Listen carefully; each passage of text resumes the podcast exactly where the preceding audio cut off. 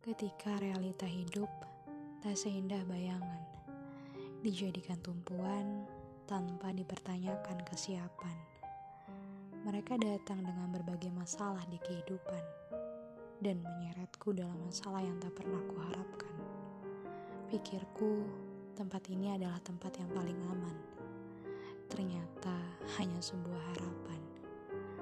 Tak ada tempat pulang, seakan semua telah hilang. Sebenarnya aku hanya ingin tenang.